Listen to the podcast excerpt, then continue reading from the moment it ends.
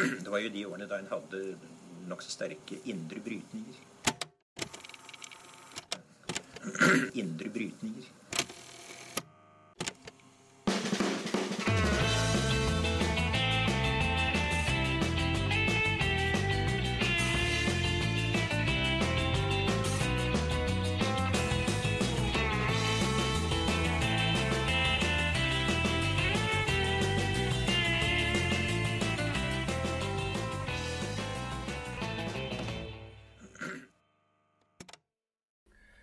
Hvis jeg var en av våre ledende feminister Hvis jeg var en av våre ledende feminister, som Sigrid Bonde Tusvik, Anne Bitch, Katrine Holst og Marit Teigen, så ville jeg skrevet et dikt som var så undergravende og sint og slemt at patriarkatet ville tro det bare var for skjemt.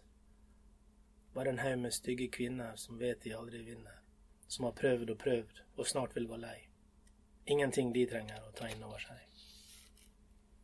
Hvis jeg var en av våre ledende feminister, som Marta Breen, Sofia Sror, Ulrikke Falk og Susanne Kalusa, ville jeg skrevet et dikt like selvsikkert og aggressivt og overstadig berusa, som han fyren i baren som tenker jeg Persefs, du Medusa, som tenker jeg i sjefsstolen, du i trusa. Hvis jeg var en av våre ledende feminister, som Kamara Lundestad Joff, Toril Moi, Anna Helseth og Maria Kjos Fonn, så ville jeg skrevet et dikt som var så vakkert og enkelt og sant, som at elvene renner fordi elvene rant, og at ingen vinner før alle vant, og at alt som mangler i verden, er alt som bare skulle mangle. Likestilling, omsorg, trygghet, empati og fantastiske, uforglemmelige, frie, helt frie, helt grunnleggende og gjennomgripende frie liv. Hvis jeg var en av våre ledende feminister, som Erna Solberg, Trine Skei Grande, Siv Jensen og Kjell Ingolf Ropstad, så ville jeg skrevet et dikt som først reduserer retten til selvbestemt abort, og så beklager at jeg ikke klarte å redusere den ytterligere. Et dikt som opprettholder lønnsforskjeller og maktbalansen kjønnene imellom. For å se så langt vi har kommet, ville det sagt. Kanskje for langt. Og hvis jeg var en mann på snart 50 som gjør så godt han kan, og aldri har bedt om noe gratis, og aldri fått noe gratis heller, så ville jeg vært enig. 100 Nei, 1000. Nok er nok.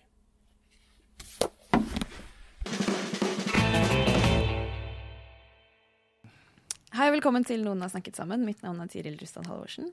Og jeg heter Aksel Fjellavli.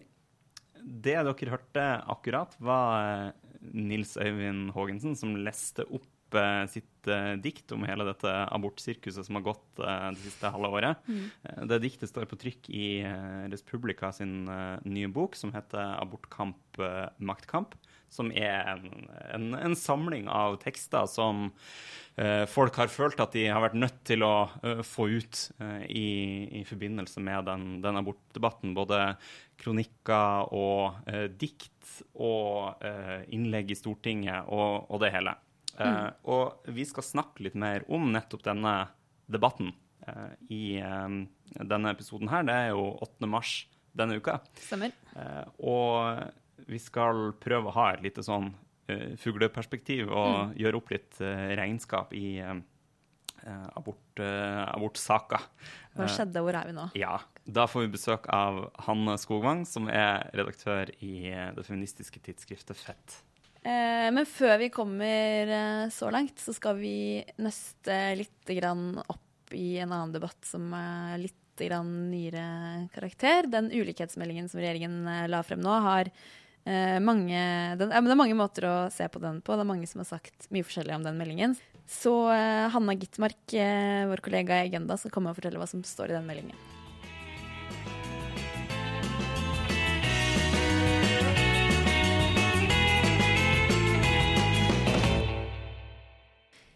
Første mars eh, la regjeringen frem ulikhetsmeldingen sin, som de vel strengt tatt ble instruert av Stortinget å komme med. En stortingsmelding om ulikhet i Norge. Um, og Hanna Gitmark, Kan ikke, eh, kan ikke du fortelle oss hva som står i den meldingen? Ja. Eh, da tenkte jeg skulle begynne med, siden vi noen ganger blir beskyldt for å male et litt sånn dystert bilde av hvordan det står til, så tenkte jeg jeg skulle begynne med å si at det den meldingen viser, er jo at Norge er et av verdens likeste land når vi ser på inntekt, eh, og helt på topp i Europa. Hurra! eh, og det, det, er bra. Eh, og den viser også at dersom man tar hensyn til eh, velferdssystemet, altså overføringer av tjenester, og skattesystemet, så er vi enda likere enn bare når man ser på statistikken over inntekt. Eh, og det vil jeg bare si at det er kjempebra. Eh, og det er jo selvfølgelig ikke sånn at vi ikke snakker om det. Vi snakker om det når vi kan, for det viser jo nettopp at politikk funker. ikke sant? Når man har et omfordelende velferds- og skattesystem, så reduseres forskjellene. Mm. Um, så bare sånn for å ha sagt det. Og det viser den meldingen. Han har vært i krig i en uke. ja! Men når det er sagt, så viser jo den meldingen også da dessverre noen eh, litt mer negative trekk. Eh, for det første at ulikhetene øker. Eh, den viser at ulikheten når man ser på inntekt, er høyere enn det vi kan se av offisiell statistikk. Man, det må du forklare litt nærmere. Ja, Man kan jo regne Når man lager statistikk i SSB over inntekt og, og formue, som vi kan komme tilbake til, så eh, har man jo de skatterapporterte dataene å se på. ikke sant? Det som innrapporteres av skatt, er det man eh, eh, bruker når man lager disse regnestykkene. Eh, vi i Norge har hatt en haug med skattereformer tre ganske store bare, de siste, bare på 2000-tallet. Eh, og det gjør at mange folk har tilpassa seg til de skattereformene. Hvis du vet at utbytteskatten øker ganske kraftig til neste år, så vil du ta ut mer utbytte i år. Og så vil du spare pengene dine i selskapet eh, neste år. Mm. Og det har SSB tatt hensyn til, så såkalte tilbakeholdte overskudd. Det er to måter man kan gjøre det på. Man kan putte, la være å ta ut utbytte. Det noen gjorde, var å ta ut så høye utbytter før eh, utbytteskatten ble innført og senere økte, at de kan det er veldig teknisk, men de, de, ga de til selskapene sine som lån. Og så kan de sitte og tilbakebetale seg selv det her nå etterpå, skattefritt. Og for noen så overstiger denne skattefrie reserven en milliard kroner. Så det betyr mm. at de kan sitte og, og, bruke av de pengene resten av livet, egentlig. Mm. Eh, så det SSB gjør, de prøver å tilpasse eh, eh, statistikken sin litt til de her eh, tilpassingene, eller utarbeide statistikken sin. Eh, sånn at man skal ta hensyn til og høyde for disse tilpasningene. Sånn at tallene på en måte blir mest mulig reelle? Ja. Og det er jo ikke for å prøve å blåse opp uh, ulikheten, men det er for å gjøre den mest mulig reell, akkurat som du sier. For vi ser, hvis vi ser på statistikken de siste årene, så er den utrolig sånn svingete. Og sånn har det ikke vært. Det er ikke sånn at ulikheten har økt dramatisk fra et år til et annet, uh, men det skyldes tilpasninger. Og det er veldig sånn teknisk, men men det betyr at offisiell statistikk ikke viser hele bildet. Så når man tar hensyn til det, så er inntektsulikheten høyere. Men uansett om man bruker offisiell statistikk eller den supplerende statistikken som er utarbeida til denne meldingen her, så ser vi at ulikheten øker. Det andre veldig viktige som den meldingen viser, er at uh, formuesulikheten i Norge er veldig høy. Også den øker. Når vi snakker om ulikhet i Norge, så snakker vi ofte om inntekt, og der ligger vi veldig godt an i verdenssammenheng. Når vi ser på formue, gjør vi ikke det. Da ligger vi kjempehøyt. For å bare gi et bilde, Vi snakker jo ofte om Gini-koeffisienten, som er utrolig sånn teknisk, men det måler da inntekt eller formue på en skala fra 0 til 1. Hvis alt er likt fordelt, er den 0. Hvis én person har alt, så er den 1. Og på inntekt så ligger vi midt, altså ca. på 0,26. Og på formue ligger vi altså på over 0,7. Så det er ganske stor forskjell, og det er ganske mye. Også i en internasjonal kontekst. Det er på høyde med land som Storbritannia, f.eks., som ingen akkurat snakker om som et veldig egalitært land. Um, og så i tillegg så sier jo den meldingen litt om hva som er årsaken til at ulikheten øker. Og det er jo det som kanskje har skapt mest oppmerksomhet. Um, og det er veldig viktig å skjønne hva som ligger bak, ikke for å slå hverandre i hodet med, med, hvilken forklaring man liker best, men rett og slett for å kunne utarbeide den politikken som skal til da, for å redusere inntektsforskjellene og, og formuesforskjellene. Det sier jo alle at de vil. Ja. Det er noe alle er enige om, og det er jo veldig bra. Tilsynelatende, da. Nå skal ikke jeg tillegge noen eh, politiske partier um, noen mening om at de ikke ønsker det. Jeg tror nok eh, de fleste er enige om at vi skal ha et samfunn med små forskjeller i Norge. Uh, det som den diskusjonen rundt den meldingen her viste, er at det er ganske stor uh, det alle nok er enige om, er at man ønsker å redusere fattigdom. Og det var det Siv Jensen snakka mest om da hun la fram meldingen sin. Hun snakka om fattigdom, og ikke så mye om ulikhet. For hvis man skal gjøre noe med ulikheten, så må man gjøre noe både i bunn og i toppen. Mens veldig det jeg oppfatter at denne regjeringen er mest opptatt av, er å gjøre noe med bunnen. Og det er bra og viktig, bare for å ha sagt det. Men hvis vi skal gjøre noe med forskjellene, må man også gjøre noe med, med toppen. For det er noe med ulikheten i seg selv, ikke bare at noen eh, lever eh, på lit, for lite penger, som er et problem for et samfunn. Nei. Det er mange grunner til at ulikhet er viktig også utover bekjempelsen av fattigdom. En av dem er jo selvfølgelig at når de rikeste blir rikere, så har det noe å si eh, for maktkonsentrasjon, som, som, jeg har vært veldig opptatt av. At eh, konsentrasjonen av økonomisk makt også kan føre til konsentrasjon av politisk makt. Eh, og det er jo det som gamle, eh, kjente folk som Stein Rokkan har vært opptatt av, at stemmer teller, men ressurser avgjør. Det er en viktig grunn til at vi også skal følge med på. Det handler jo ikke om misunnelse, at det ikke skal være lov å bli både rik og suksessrik i Norge. Eh, men man må for det første bidra tilbake til det systemet som gjør det mulig å bli rik. Og for det andre så må politikken bidra til å begrense konsentrasjonen av, av makt i et demokrati som vi har i Norge. Men hvorfor uh, tenker du at Siv Jensen uh, Hun la jo frem denne meldingen før egentlig noen hadde lest den, og kunne styre litt hvordan uh, avisoverskriftene mm. ble. Og det var mye fattigdom, som du nevnte, og, og mye om innvand innvandrere. Mm. Det er kanskje et litt retorisk spørsmål, men hvorfor tror du Siv Jensen legger frem meldingen på denne måten, da, som er litt annerledes enn det du har gjort nå? Mm. Nei, det er jo helt åpenbart, for Siv Jensen ønsker at ulikhetsdebatten skal handle om innvandring. Uh, og hun, Det var jo en helt sånn vanvittig opplevelse. Der er det jo masse kritikk å rette både mot regjeringen, men også mot mediene. Fordi uh, meldingen ble lagt fram fredag. Torsdag uh, blei journalister Eh, i VG, i Aftenposten og også i NRK presenterte en liten del av meldinga. Så vidt jeg veit, må jeg ta høyde for at det er ting eh, jeg ikke har kjennskap til, men eh, ut fra det jeg har, har, fått vite, så var det ingen som fikk se hele den meldingen. Man fikk eh, presentert, ikke sant, Aftenposten hadde en sak om at vi lå på verdenstoppen eller på europatoppen i lave inntektsforskjeller. Det var saken i, i Aftenposten. Saken i VG var at Siv Jensen fikk si at økningen i, i, um, i, fattigdom skyldtes innvandring.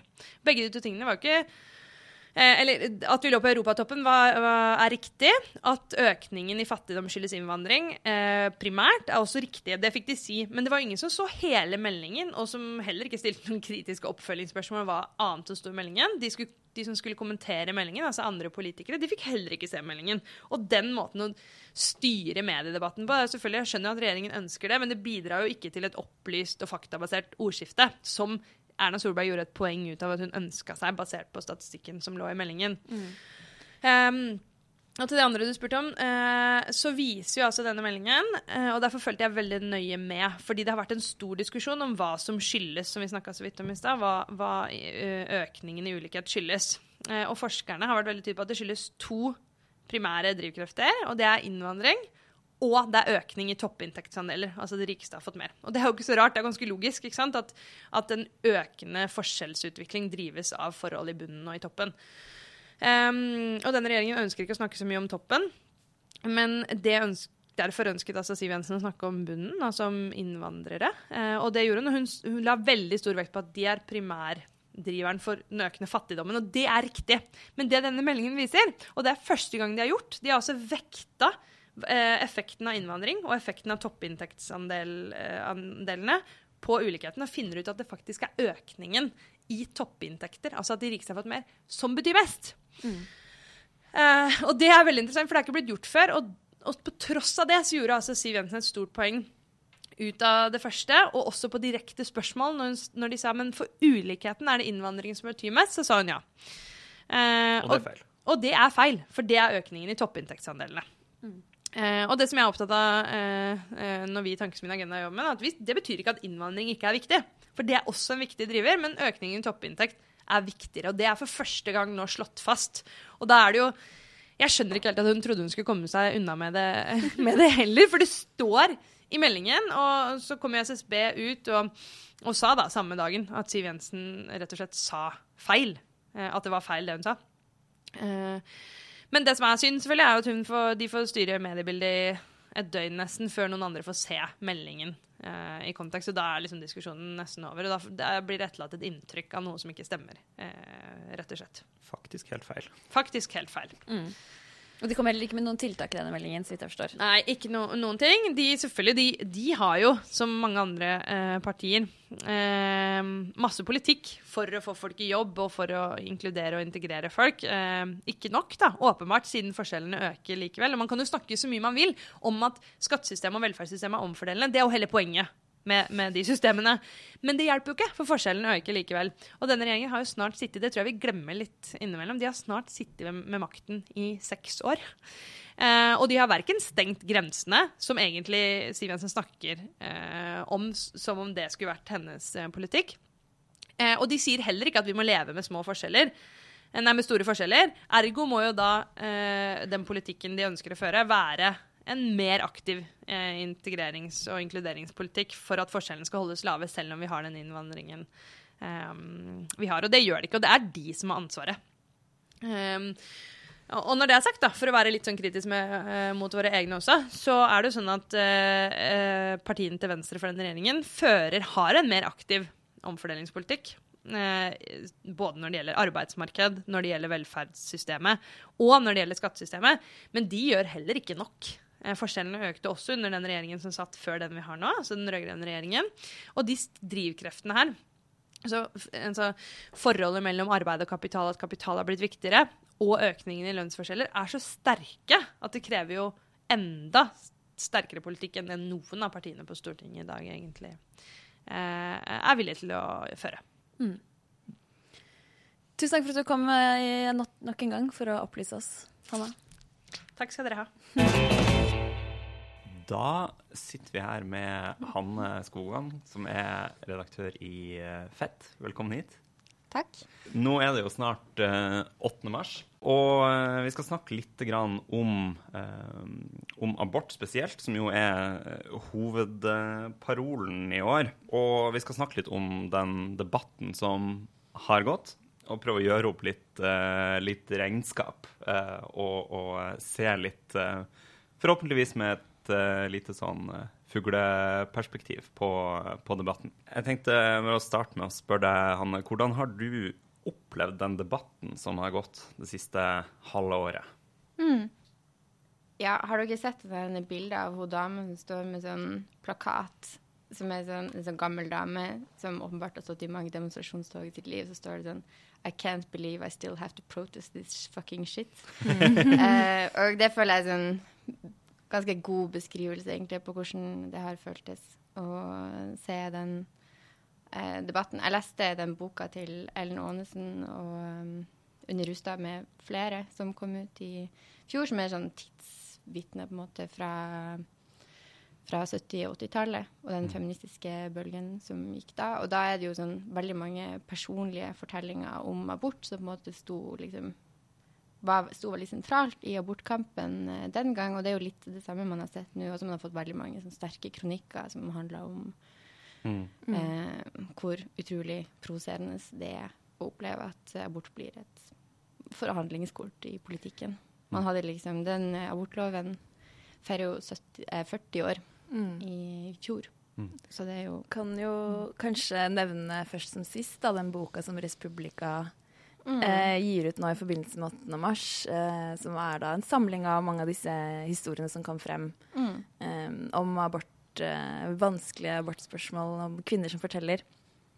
Eh, og der står det jo 'hvilket jævla år er dette', egentlig? Og det er jo litt sånn som du sier, mange har eh, tenkt seg når man har stått foran Stortinget eller hva man har gjort, og så kommer disse strikkepinnene på en måte retro Eller de kommer opp igjen, da, alle disse gamle ja, parolene eller Ja, og jeg syns jo det er ganske sånn utrolig eh, mobilisering man, som man ser at abort faktisk har. Jeg har ofte tenkt at grunnen til at den feministiske fjerdebølgen, eller hva man nå skal kalle den, da, eh, oppsto i Dette må sånn sånn du forklare 2013, for, eh, 14. OK. Eh, Bølgemetaforen er sånn kjempesentral i beskrivelsen av feminisme. Og mange vil argumentere for at det har eksistert mange bølger som går mange sånn 100 år bak i tid. Men hvis man skal se på det siste 100 året, da, så er det fire bølger som er på en måte forklaringsmodellen som har stått i sentrum. Og der den første bølgen er liksom eh, kampen for kvinners stemmerett, sånn ekstremt grovt forklart.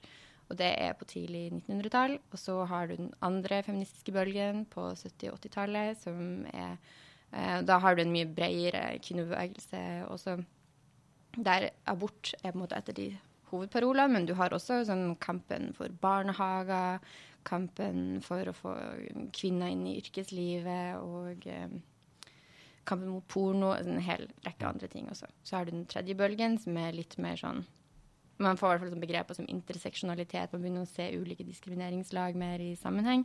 Men Man tenker mer strukturelt, liksom? mindre strukturelt, Mindre strukturelt. egentlig. Ja. Og det er på en måte det vi har sett en sånn revitalisering Mm. igjen av i den fjerde bølgen. Er det mange som vil argumentere for. Men det er jo sånn skriving av samtidshistorie som er sånn Altså For en som meg, som er ikke så gammel, men jeg har vært feminist ganske lenge, og den diskusjonen sånn er vi i den fjerde bølgen nå, har, har på en måte tatt siden 2012, tror jeg. Så det er jo liksom en litt eh, merkelig øvelse, egentlig. Å prøve å liksom si sånn Nå er vi i den. Men eh, som begrep som interseksjonalitet har jo virkelig fått kommet i vinden nå, da. Mm. Og hva er det? Det er at man ser ulike diskrimineringslag i sammenheng, som f.eks. at en kvinne som er sykepleier, står overfor andre utfordringer enn en i en topplederstilling, men det er kanskje noen kjønna strukturer som går igjen, men det er likevel Eller en sort kvinne vil møte andre utfordringer enn eh, enn en hvit kvinne, en kvinne med funksjonsnedsettelse osv. Men hvis vi går, går litt tilbake til eh, den debatten om eh, abort spesifikt. eh, hvis du ser det i lys av f.eks. Den, den boka du refererte til om eh, de kampene som gikk på 70-tallet, opplever du at det her er et ekko av det, eller er det en ny type eh, abortdiskusjon? abort har en utrolig sterk mobiliseringsevne. Og det er faktisk helt spesielt. Så man så det jo først med reservasjonsretten, som på en måte virkelig sparka i gang den feministiske fjerdebølgen, hvis man kan kalle det det, da, i Norge, vil jeg påstå. Og så ser du igjen nå da, det- hvor det var to demonstrasjoner i høst bare, som samla tusenvis av mennesker foran Stortinget. På bare sånn to ukers mellomrom. Det er faktisk helt utrolig hvor mye folk er villige til å møte opp. Folk blir drittsur av å måtte ta denne kampen på nytt. Og jeg tror litt av grunnen til at folk blir så sinte, er fordi man også ser det i en global sammenheng. Man ser innstramminger i abortloven i Polen, stadig innstramminger i USA. Folk er rett og slett veldig bekymra og veldig globalt, globalt orientert også når man ser angrep mot abortloven i Norge, tror jeg. Så ser man det ikke bare isolert sett her, man ser det i sammenheng med en eh, global bevegelse.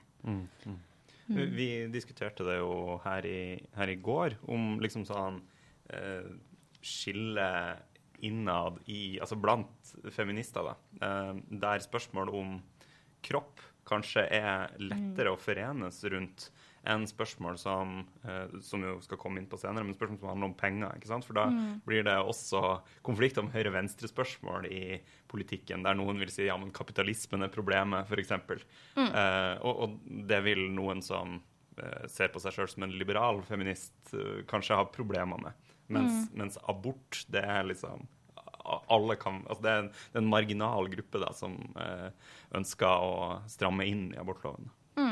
Og det er jo fordi, tror jeg også, man har ikke alltid de samme interessene som kvinne. Det er helt åpenbart. Selvfølgelig har man ikke det, men abort og graviditet, prevensjon, er noe som er helt universelt kvinnelig.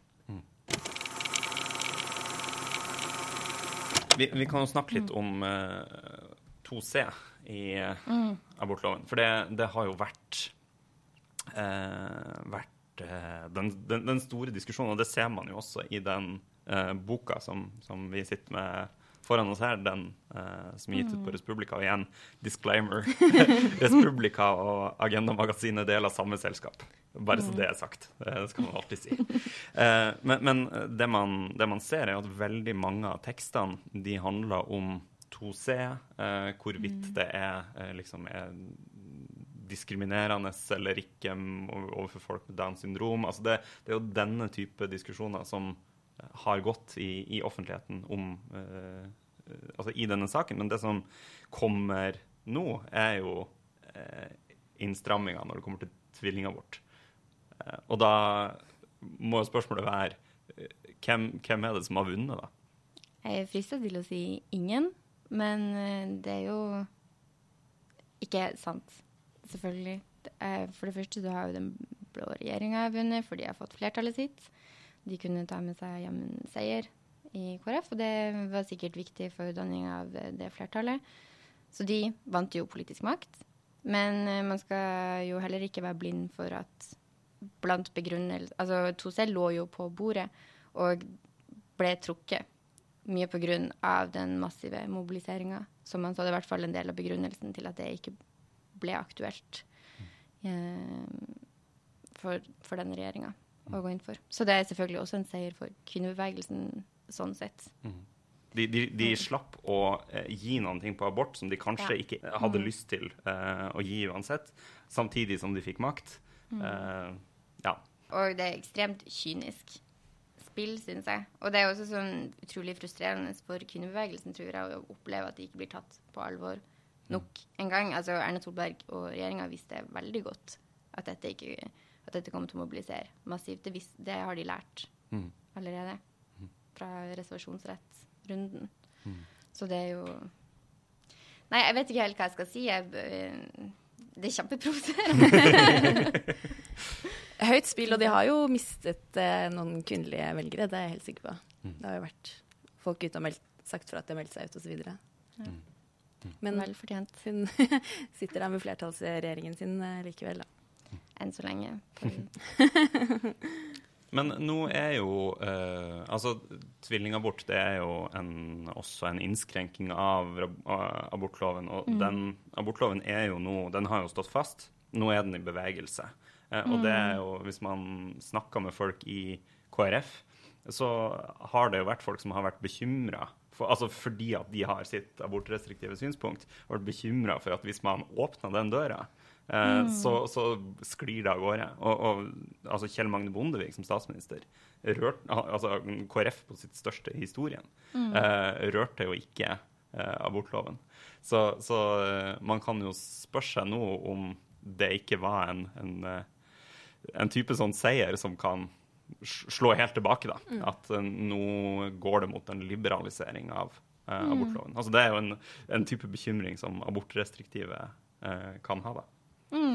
Og det forstår jeg jo godt, fordi det åpner også spørsmålet om hva skal vi egentlig med disse nemndene, f.eks. Er det Ja, for det er jo en del av hovedparolen på 18. mars. Ikke sant? Hoved-hovedparolen. Ho ja, sant. Det, sånn det er.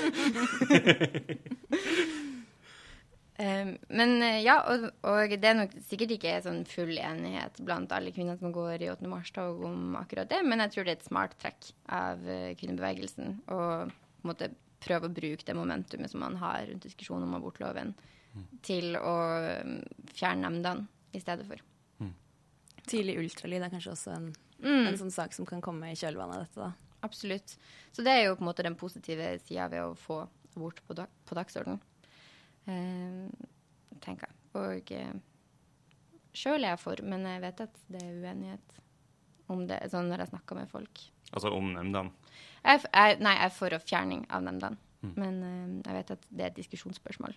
Mm, mm. Også blant noen. Men jeg tror det er smart å på en måte prøve å pushe det andre veien, da. Tenk du, altså eh, Hvis man uh, utvider retten til abort i tid, Mm. eh, tenker du at det skal være uten nemnd også i den tida etter det, eller tenkte du nemnd som konsept eh, er en dårlig idé?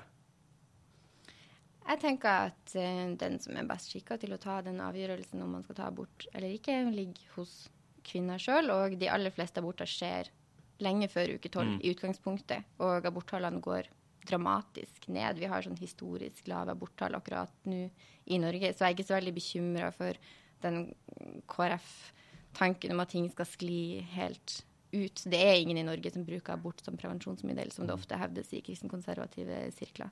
Det man har fått og der, der har man fått til ganske mye bra på politisk nivå. At man tilbyr eh, god og sikker prevensjon til unge kvinner eh, tidlig gratis. Det er kjempebra. Og det folk det betyr, altså det at aborttallene er så lave, betyr at folk tar ansvar og kjenner sin egen kropp sjøl og er flinke til å ta valg. Og det, og det er et resultat av god politikk på det området. tror jeg. Og det er liksom, hvis man vil ha aborttallene ned, så er det den veien man må gå. Og det viser jo også sånn, der abortloven innskrenkes, så blir også aborttall Altså der man ikke har lov til å ta abort, så går aborttallene opp. Så det, man får ikke den effekten man ønsker uansett, dersom man skulle innskrenke den retten, tror jeg. Nå endte vel KrF også opp med å innrømme at Eller innrømme at uh, den innskrenkingen i tvillingabort heller ikke ville gjøre noe med antall aborter. Mm. Det var en merkelig er Litt usikker på egentlig hva argumentasjonen til slutt. Hva de endte opp med seg selv å si at uh, grunnen var. Det var en sak om abort, i hvert fall, og det var vel viktig. Ja, det var viktig.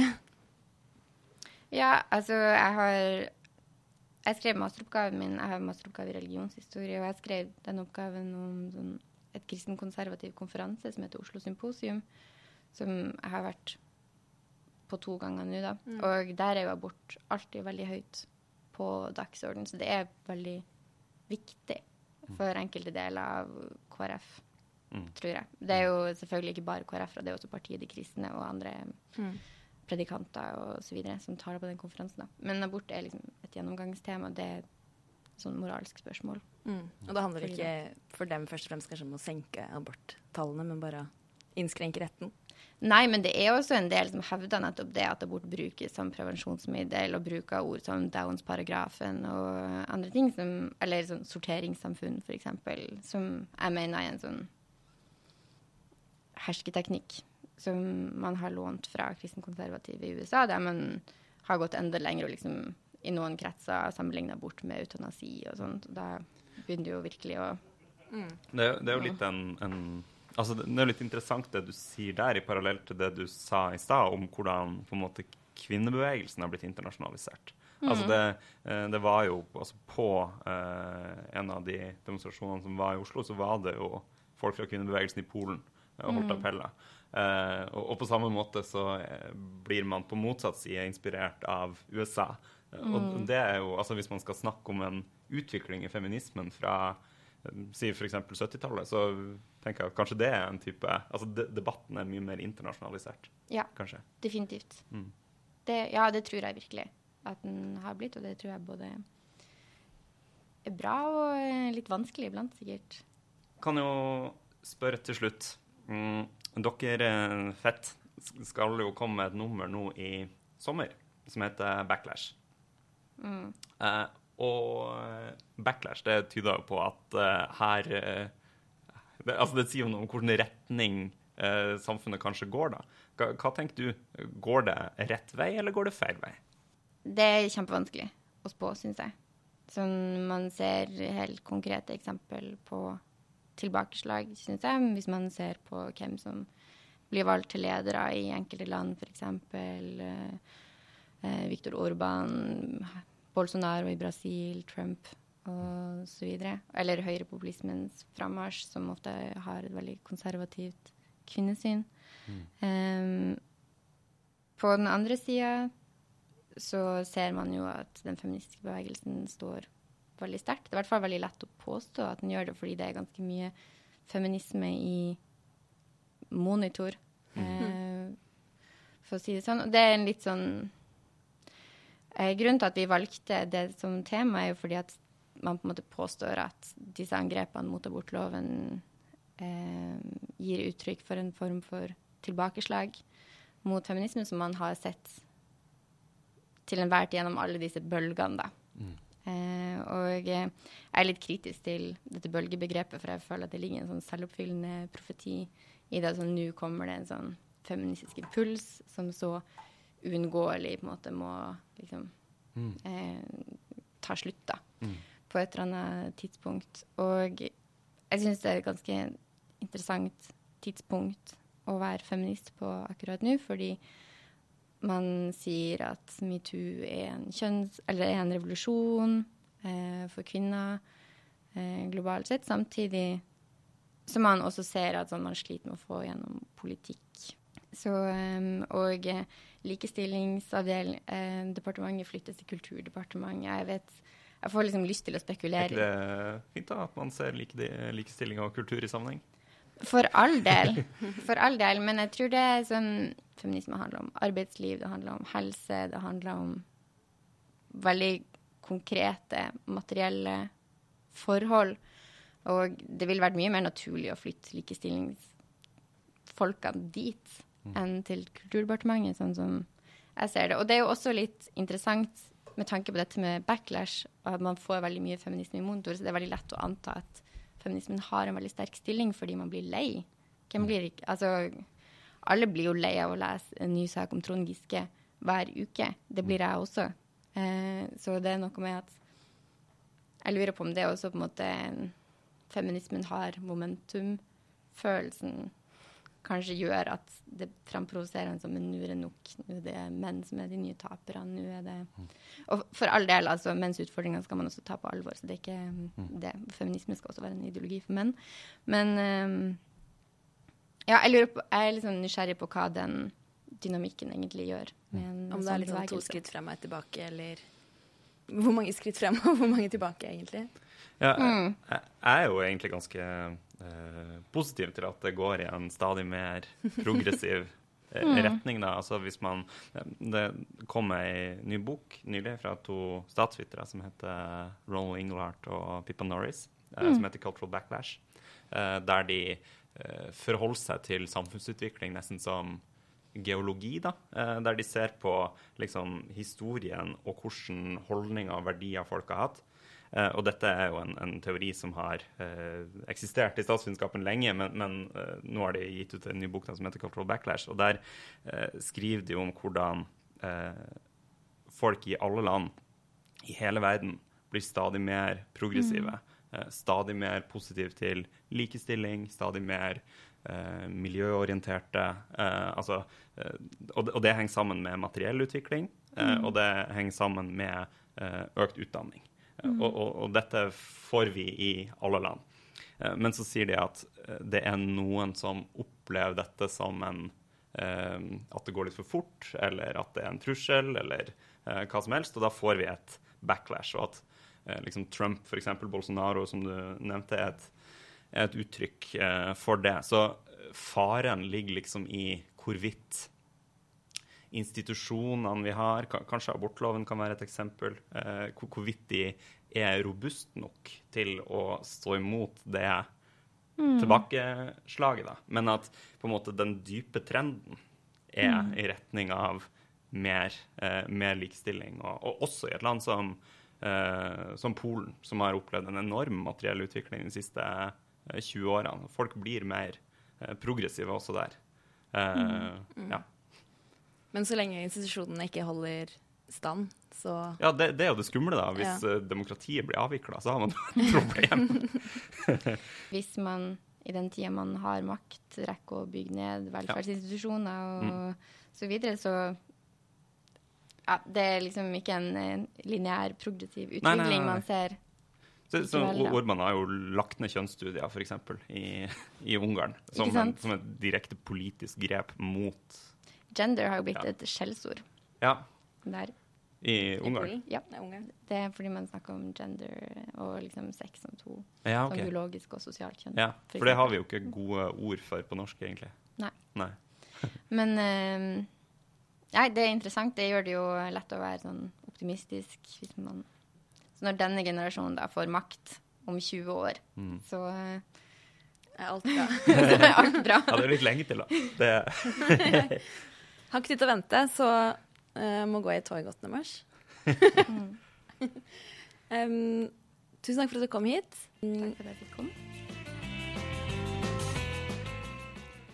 ja, Tiril, har du noe å eh, anbefale? Ja, jeg må jo da anbefale Agenda sine faktisk to arrangementer på 8. mars. Det er en, eh, frokost, eh, et frokostmøte på Nationaltheatret som heter Metoo for alle? spørsmålstegn. Eh, klokken eh, åtte til ni med frokost. Og så er det et kveldsarrangement etter toget på Kulturhuset om kvinner og kropp, som eh, Hanna som var her, skal lede. Og da møter du eh, Hadia Tajik og Susanne Kalusa, f.eks. Og, eh, og hva med deg? Jo, jeg tenkte jeg kunne rett og slett anbefale den boka vi har snakket Ja. litt om. Eh, 'Abortkamp, makt, maktkamp'. Eh, og så tenkte jeg å anbefale litt mer eh, lesestoff. Eh, siste nummer av eh, tidsskriftet Fett, som handler om eh, cash, penger, eh, i et eh, feministisk eh, perspektiv som, eh, som kom denne uka. Veldig bra. Eh, da ses vi i toget. Ja. Mm.